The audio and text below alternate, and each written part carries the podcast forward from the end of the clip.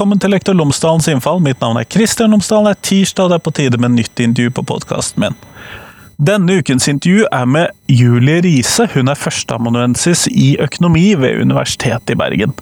Hun har undersøkt hvilken effekt det har å øke antallet helsesøstre i skolene, eller helsesykepleiere som det nå heter, og, hva man kan se av det. Og hun snakker også om fremtidig forskning, sånn at vi skal gå inn på hvilken betydning det har for elever, for samfunnet, for samfunnsøkonomien, det at man har økning, eller eh, antallet helsesøstre, helsesykepleiere, i skolene, hvilken betydning det har. Så det intervjuet får du her. Vær så god.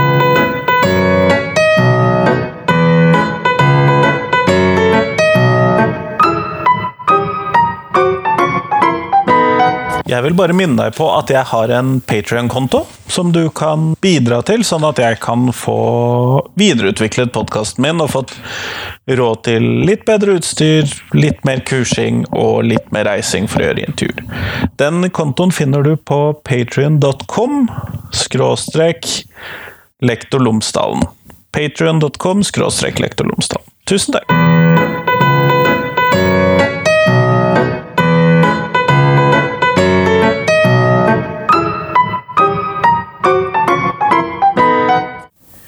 Julie Riise, tusen takk for at du har kommet på podkasten min.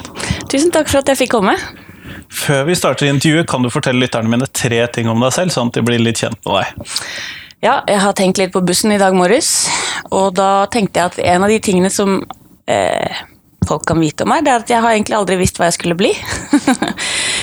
Derfor har du blitt førsteamanuensis? Ja. Eh, det er jo sånn som mange tror at man må bestemme seg veldig for tidlig, og så kjøre på for å nå det målet. Men det har blitt litt tilfeldig. Men det som jeg er så fornøyd med da, det er at jeg liksom har havna et sted hvor jeg kan kombinere det der at jeg liker litt sånn eh, logisk tenkning og modeller og strukturer og sånn, med det å jobbe med folk og samfunn og sånne ting.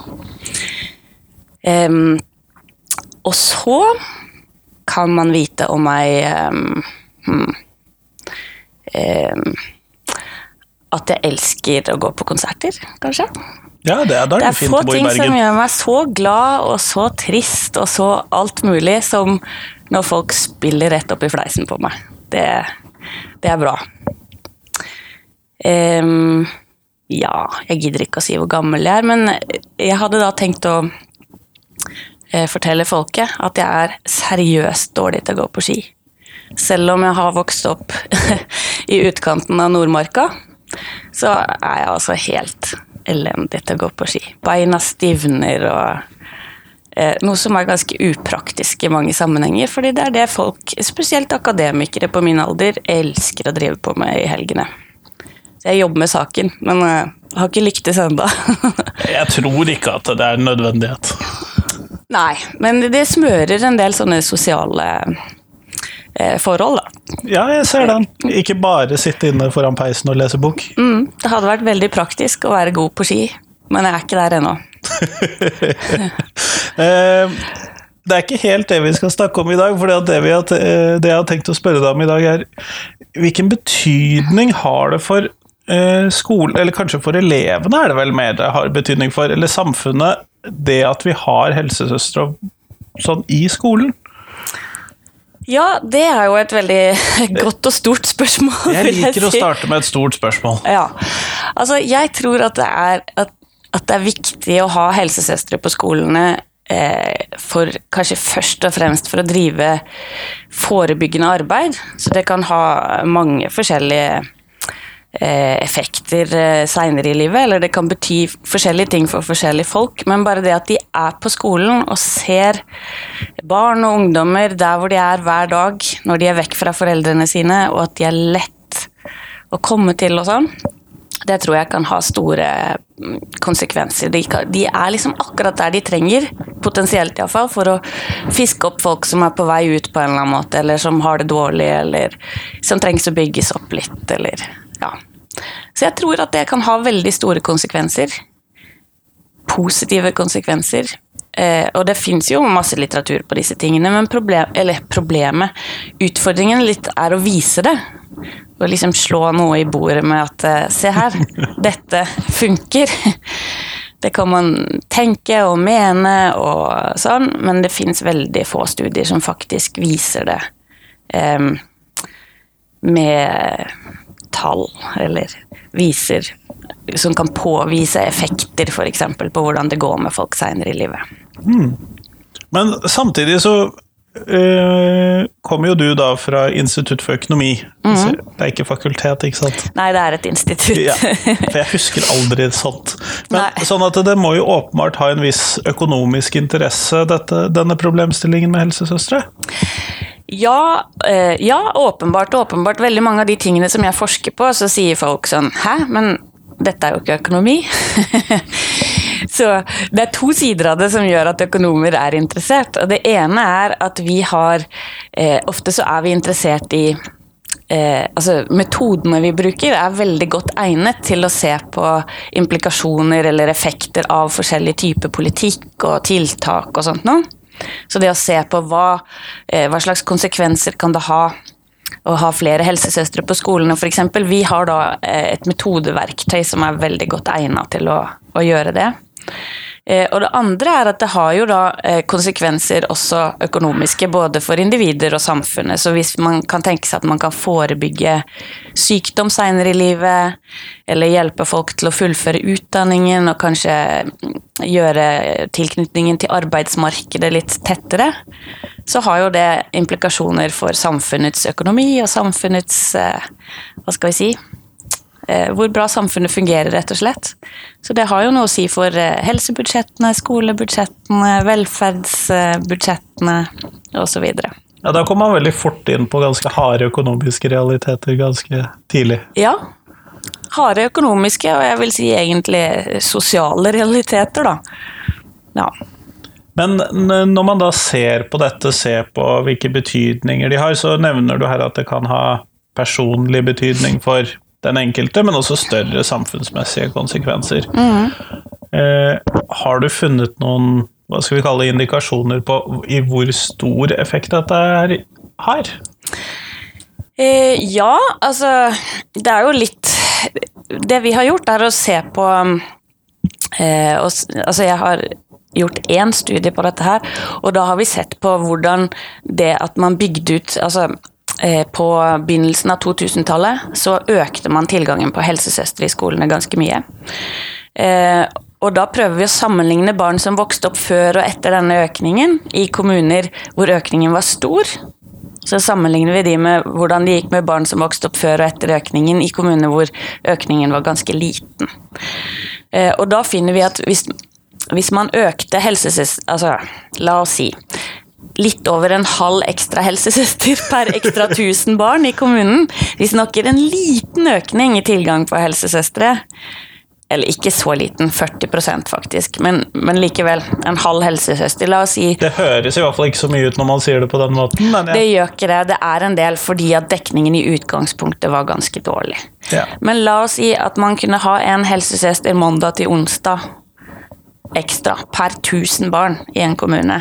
Og da snakker vi jo gjerne et par, par-tre skoler, litt sånn avhengig av hvilken kommune og, og sånn. Um, det fører da Altså, i vår studie så førte det til um, Den største effekten vi fant, var en, en veldig sterk nedgang i tenåringsfødsler, rett og slett. Så 16% færre tenåringsfødsler. Som er ganske mye. ja det, det er ganske mye. Ja, så det, men det, var, det er jo kanskje akkurat som forventa, fordi at helsesøstrene kan eh, gi gode råd når det gjelder prevensjon og seksualitet, og de deler ut kondomer, og de kan henvise videre og skrive ut p-piller og Sette noen p-sprøyter og Ikke sant? Men det kunne de ikke på den tiden der, da. De hadde ikke lov til det på samme måten da, men de kunne gi gode råd og sånn, i alle fall, og henvise videre. Eh, men vi fant også effekter på Vi fant en sånn ca. 3% økning i sannsynligheten for å fullføre videregående skole. Ja. Eh, som også er en, en god del, egentlig. Så ikke sånn at alle som eh, Det var ikke sånn at alle plutselig fullfører videregående skole, men en ganske god økning i sannsynligheten. Og så fant vi også eh, økt sannsynlighet for å være i en eller annen type jobb når man var 25 år. da er det jo mange som fremdeles studerer og sånt, så det er ofte ikke et, et godt tidspunkt å måle Nei, men det en eh, sånne ting på. Ja, og så målte vi når de var 30 også. Og da var det enda sterkere. Det er godt å høre, for så Ja, vidt. ja, men det er jo litt sånn eh, på en måte overraskende at eh, det å, å ha tilgang til en helsesøster faktisk har sånne effekter, da. Men vi har prøvd virkelig alt vi kan å prøve å forklare det på andre måter. Eh, og foreløpig så klarer vi ikke det. Så folk er hjertelig velkommen til å komme med alternative teorier for hvorfor vi finner det vi gjør. Det vil bare styrke studien hvis vi klarer å bort, avvise. Ja, nettopp. Eh, Men da når man eh, Så får vi satse på at man enten finner en skikkelig god løsning, eller at man forsterker mm. det som er deres tanke om dette.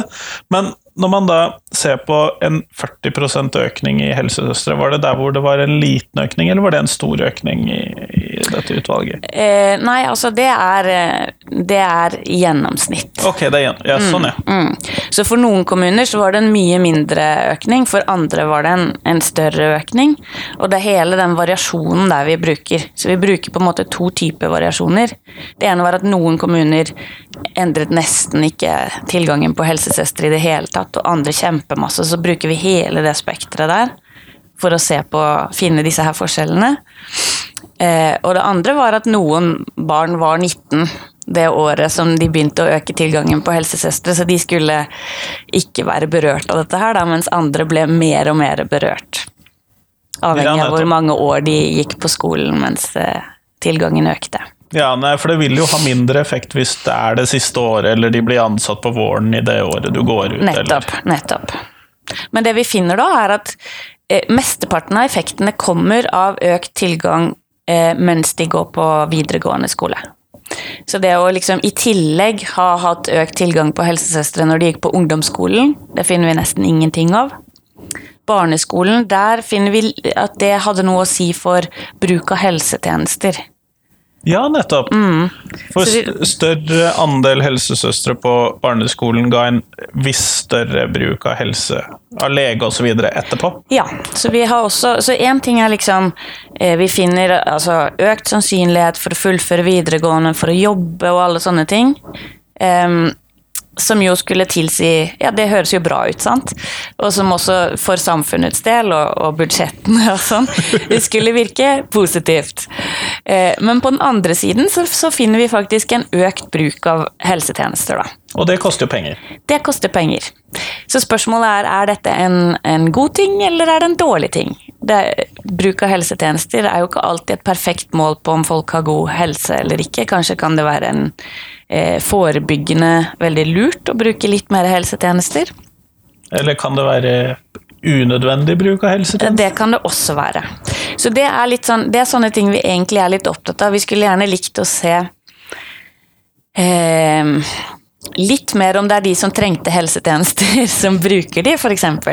Problemet er litt at vi vet ikke akkurat hvem som gikk til helsesøstrene. Og vi vet ikke hvilke skoler helsesøstrene var på. Så dette er ting som jeg har lyst til å søke penger om å finne mer ut av. Da. Så alt det vi finner nå, er egentlig bare en sånn totaleffekt av å ha flere helsesøstre i kommunen. Eh, men Som har er en indikasjon, men som ikke kan gi fulle svar. Ja, altså det, det gir oss ett svar, nemlig at det ser ut som det virker. Problemet er vi vet ikke helt for hvem det virker, og vi vet ikke helt hvorfor det virker, og vi vet ikke helt hva som virker. Som jo er veldig lite tilfredsstillende akkurat nå. Det høres ut som du har noen flere forskningsspørsmål her. Ja, så nå driver jeg og nå driver jeg og prøver å lage, skrive ned et prosjekt eh, så jeg kan få penger til å samle inn mer data og kanskje koble meg med noen kommuner og se om vi kan gjøre noen konkrete forsøk da, for å se om vi klarer å, å finne ut akkurat hva som virker. Men når du sier det at eh, effekten som du finner på disse eh, kategoriene eh, her, så eh, er det størst i videregående skole. Og det blir jo da for meg et tankekors, fordi at eh, normen fra Helsedirektoratet er at i videregående skole skal være én helsesøster per 800 elev. Eh, mens det for grunnskolen skal være én per 300, og i ungdomsskolen én per 550. Ja. Fritt etter hukommelsen. Men pluss minus det. Eh, og da når man da ser disse økningseffektene da mest i videregående skole, så syns jeg kanskje det er litt rart. Ja, men det kan jo Altså, så vidt jeg vet, så er, vi, så er den, dette, denne artikkelen som vi holder på å skrive nå, det er den første som faktisk måler effektene. Så man kan jo ha mange sånne ideer om hvorfor det skulle virke mer å sette inn innsatsen tidlig, eh, eller Ja, det er jo også forskjellige ting de typisk gjør, helsesøstrene, på barneskolen og ungdomsskolen og, og videregående. Det er mindre måling og veiing på videregående. Helt klart. Det er politisk ukorrekt på veldig mange måter å måle og veie mye på videregående, tror jeg. Eh, og dessuten kanskje å drive og snakke om prevensjon eh, tidlig på barneskolen er sannsynligvis heller ikke sånn kjempevanlig. Ofte unødvendig. Jeg vil tro i de fleste tilfeller unødvendig. Og hvis det er nødvendig, så, så er det kanskje ikke helsesøstrene som skulle være inne. Det er Men- noen, ja, noen andre problemstillinger. Ja. Men s- Så jeg, det kan godt hende at det er god grunn til å se gjennom de normene, bemanningsnormene en gang til. Men en annen ting kan jo være at eh, En grunn til at vi ikke ser noe ekstra effekt av uh, å ha flere helsesøstre når du går på ungdomsskolen eller barneskolen, kan jo være at kanskje det er der man har vært best fra før. Eh, sant? Det, sånn at ikke det gir noe ekstra, for der har man godt innarbeida rutiner, og det er ofte litt sånn, sånne ting som alle skoler gjør nesten likt. Man gjennomfører vaksinasjonsprogrammet, man har det, de der derre. Sant? Man tar de samtalene om pubertet. Eh, man snakker kanskje Man har den derre eh, helsesjekken i begynnelsen av første klasse og sånt, noe hvor man kanskje også snakker med foreldre hvis nødvendig. Så der er liksom rutinene Noe av det er lovpålagt, og noe av det er bare veldig godt innarbeida. Så der tror jeg man legger inn ressurser eh, allerede. Mens når det gjelder mye av dette her psykososiale greiene, så er det kanskje Ja. Der, er, der varierer det sikkert mer mellom skoler og kommunenes økonomier og sånne type ting. Og det er kanskje det som er viktigst når du kommer på videregående. Men dette har jeg strengt tatt ikke jeg peiling på, da. Nei, Jeg, jeg gjetter litt. Vi kan kalle det kvalifisert gjetning, da. jo da, interessert gjetning kan vi kalle det det. Ja, men men det, du viser jo ganske tydelig hva du trenger å forske mer på da, her. Ja. Eh, Fordi at jeg hører jo hvor du blir litt usikker, eller hvor du går over til interessert gjetning, og hvor du direkte uttaler at her, jeg, her har jeg lyst til å forske mer.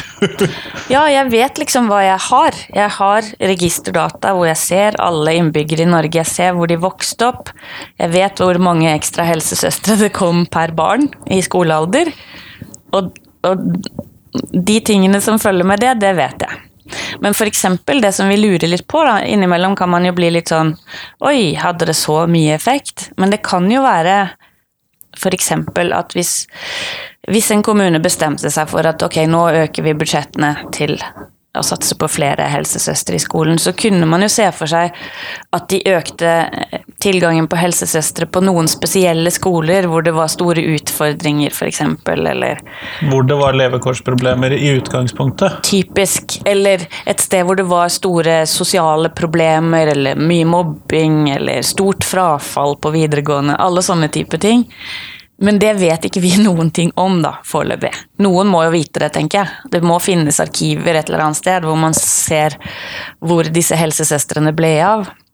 Ja, fordi at, og der hvor man da har hatt sak i kommunestyret med vi trenger flere helsesøstre av disse årsakene, og vi ønsker å bruke de der Ja. av disse årsakene. Ja.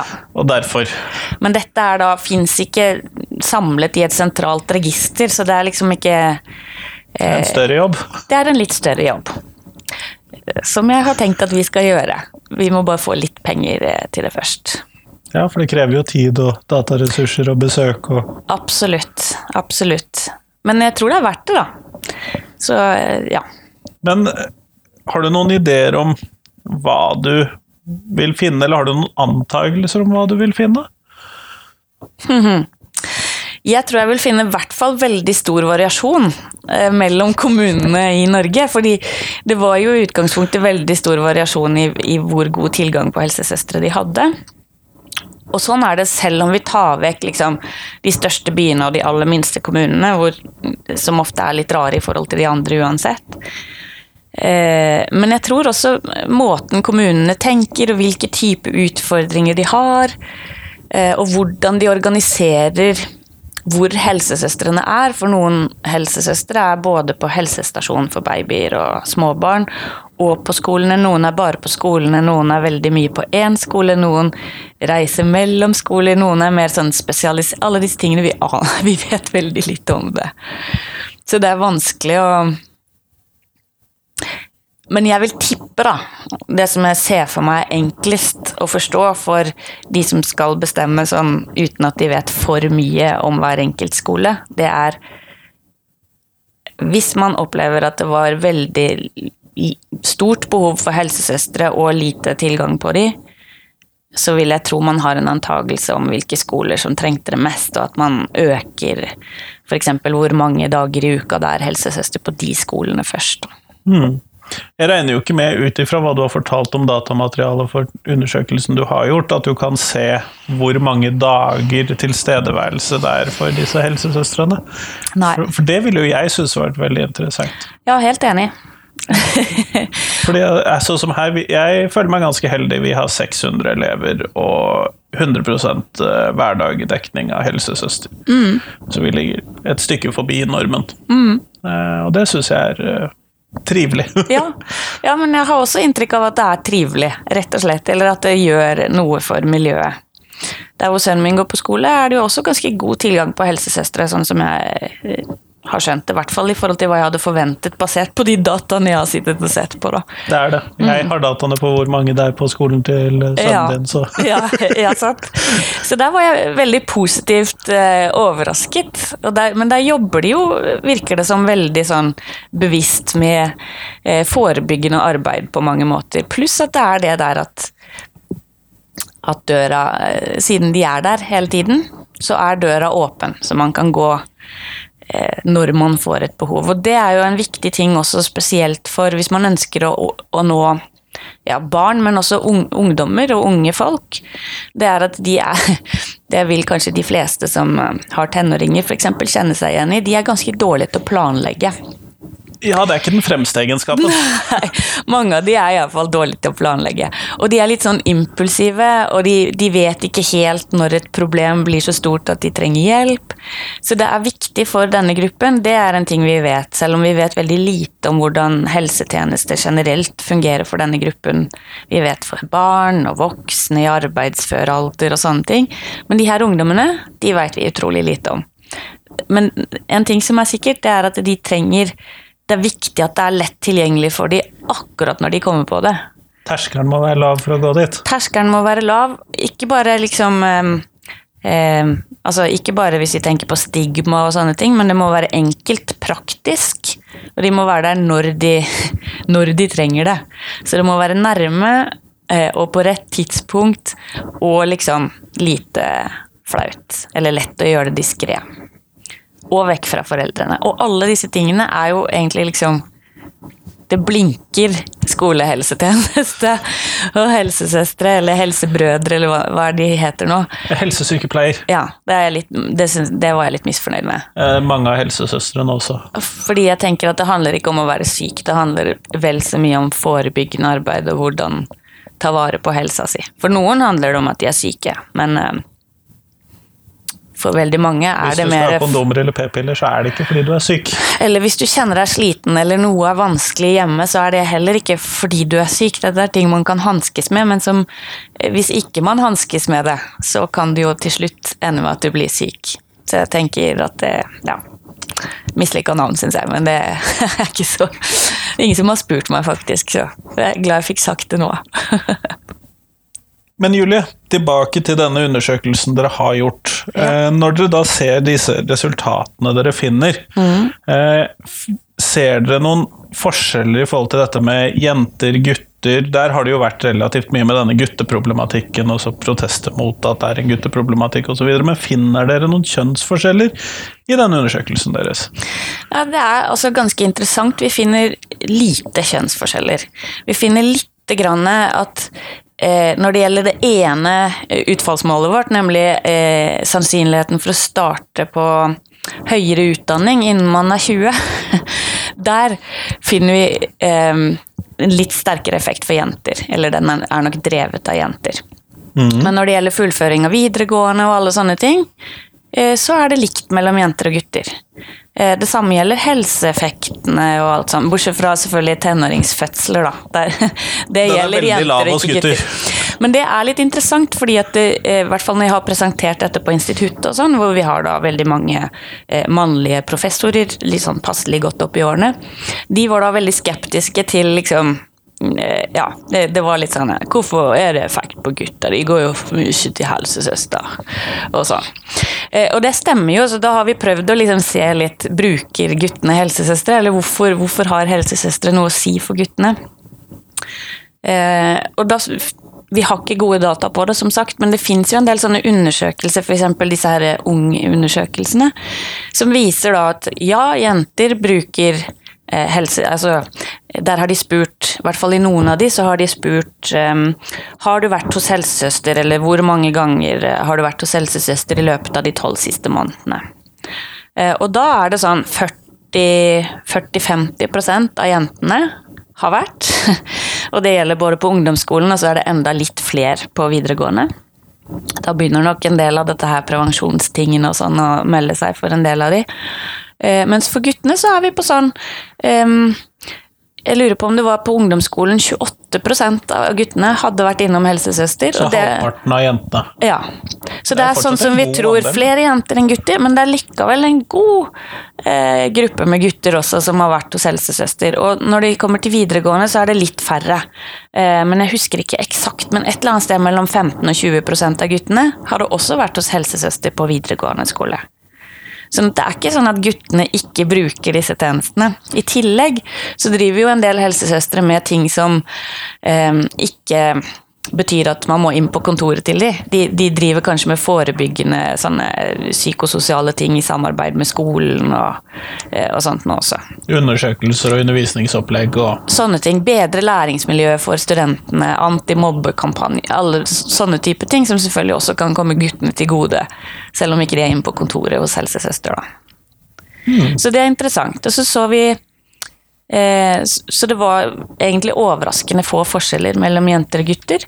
Annen ting, et annet spørsmål som ofte kommer, er om det virker Om det er sånn at disse er, eh, om det vi finner egentlig bare er et resultat av at helsesøstrene fisker opp de som kanskje har det litt vanskelig hjem, har vanskelige oppvekstvilkår på en eller annen måte.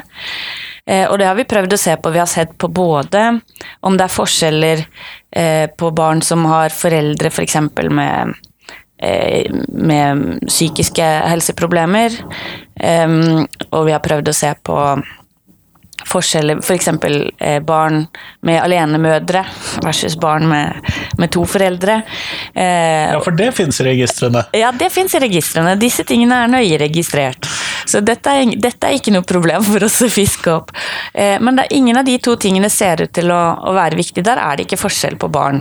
Eh, med forskjellig type foreldrebakgrunn. sånn sett. Men det eneste vi finner, er at um, mange av disse her altså sannsynligheten for å fullføre videregående og ta høyere utdanning og litt arbeidsmarkedstilknytning, der er effektene sterkere, kanskje langt på vei drevet, av de barna som har mødre med eh, veldig lav utdanning. Og det tenker vi er i hvert fall i gjennomsnitt et ok mål på, på utdanningen i familien. Da. Og da mener jeg mødre som ikke har fullført videregående utdanning. Sånn at barna til mødrene som ikke har fullført videregående utdanning, har større sannsynlighet for å delta i arbeidslivet og begynne på høyere der, utdanning og fullføre? Ja, det er der den effekten er liksom størst. Ja. Mm med større tilgang til helsesøster. Ja. ja. Men det er jo et godt mål på hva skal vi kalle det, sosial At helsesøster hjelper til med sosial mobilitet, om ikke annet. Ja, absolutt. Og det kan jo være en indikasjon på at helsesøstrene har eh, blitt satt inn på skoler hvor det kanskje var eh, flere. Altså Større sosiale problemer eller større levekårsproblemer. Ja, nettopp. Ja. Men nå er jeg på vill gjetting igjen, selvfølgelig. Jo da, men Ja. det, det er en eh, rimelig antagelse, høres det ut som. Mm. Men hvis vi nå skal ta oss og gå mot slutten av podkasten, så har jeg et spørsmål som jeg stiller til alle de jeg har på podkasten. Ja. Eh, og det er hvis du skulle lage et eget fag i skolen, eh, du skulle gi det et navn, du skulle finne et innhold for det, eh, og du kunne stjele innhold fra andre fag skamløst hvis det føltes eh, at det var noe du ville ha her og noe herfra, eller du kan ta inn noe helt nytt inn i skolen. Og da er spørsmålet hva skulle det faget være? Det er et utrolig vanskelig spørsmål. Um, jeg må jo innrømme at selv om jeg da har barn i skolealder, så vet jeg jo knapt Jeg føler ikke jeg har god oversikt over hvordan fagene er nå engang. Men jeg tror at det er et sånt fag som Jeg vet ikke om det er et fag, men noe jeg har savna, og som jeg tenker er ekstra viktig nå.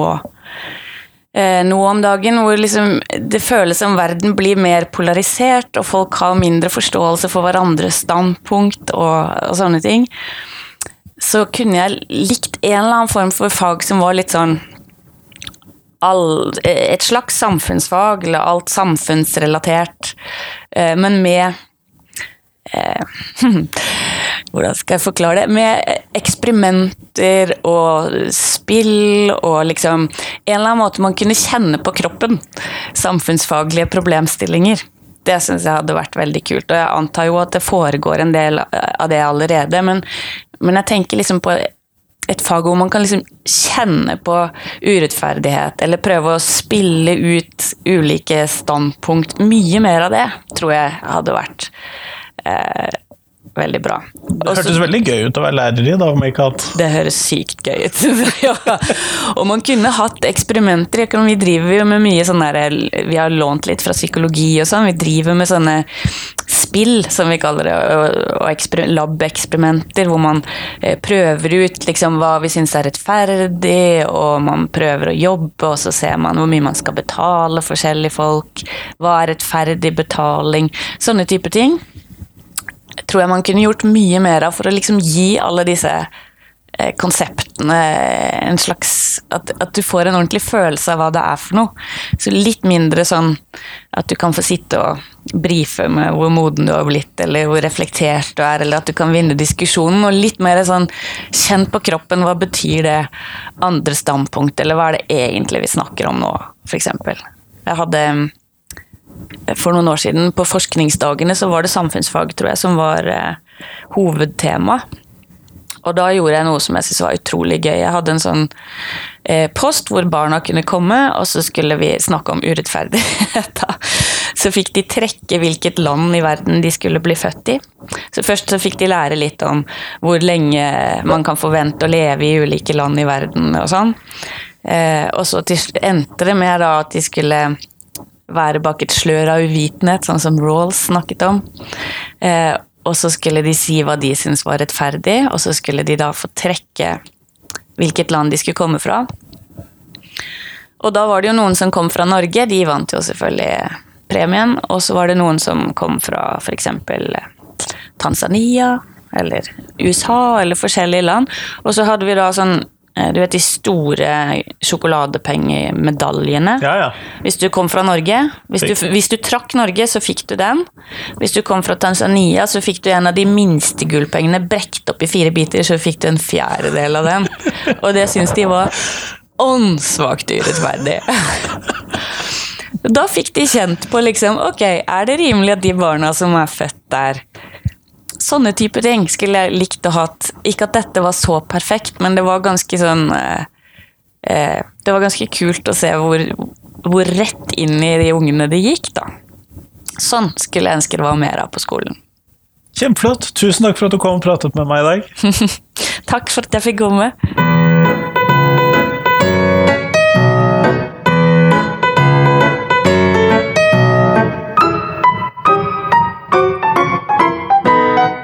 Tusen takk til Julie, og tusen takk til deg som hørte på. Nå er det en uke til neste gang eh, vi høres igjen. Og i mellomtiden så hadde jeg håpet at du kunne sende meg tips om noen du kunne tenke deg å høre på podkasten. Jeg har ikke så lang liste med ventende intervjuer nå, at det hadde vært fint hvis jeg fikk en god idé om hva jeg kunne ta og så lage podkast om. Det vil jeg i hvert fall bli veldig glad for. Men i hvert fall, fram til neste uke så håper jeg du har en god avslappende uke, og så høres vi igjen. Hei, hei!